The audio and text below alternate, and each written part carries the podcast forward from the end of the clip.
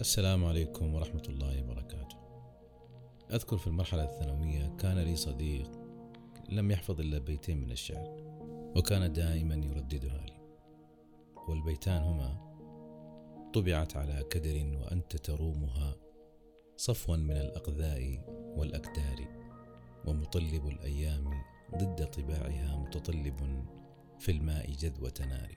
فمن كثر تكراره لها يعني قلت لابد أن أعرف لمن هذه الأبيات وكان عندي اهتمام قليل بالشعر والشعراء فبحثت فوجدت أن قائل هذه الأبيات هو أبو الحسن التهامي وهو كان من شعراء الدولة العباسية ولد ونشأ في اليمن ومات بمصر وجذور عائلته من مكة.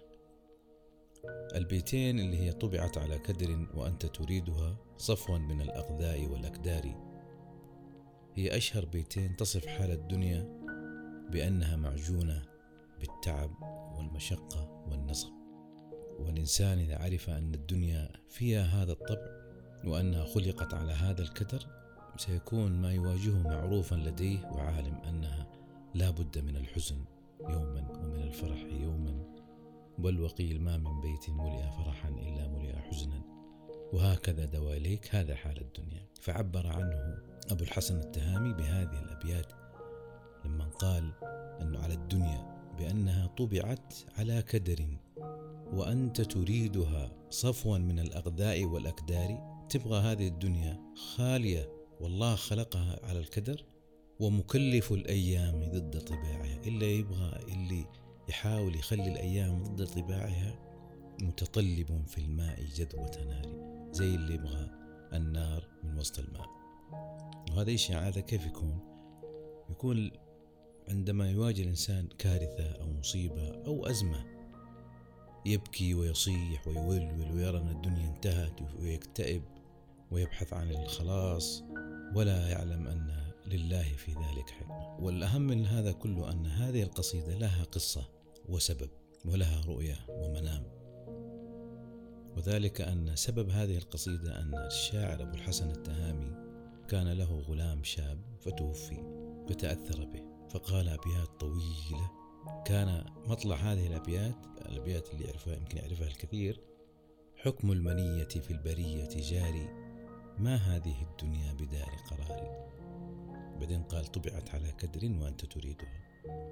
قال في الوسط بيت أو قبل النهايات. وهو يتحدث عن ولده. قال جاورت أعدائي وجاور ربه شتان بين جواره وجواري. جاورت أعدائي وجاور ربه. يعني ابني جاور ربه. فرق بين جواره وجواري.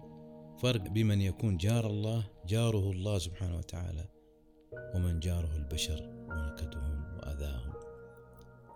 يقول الإمام ابن القيم أن أحد الصالحين رأى الشاعر التهامي في المنام بعد موت التهامي الشاعر لما توفي سنة 416 هجرية فسأل ما صنع الله بك؟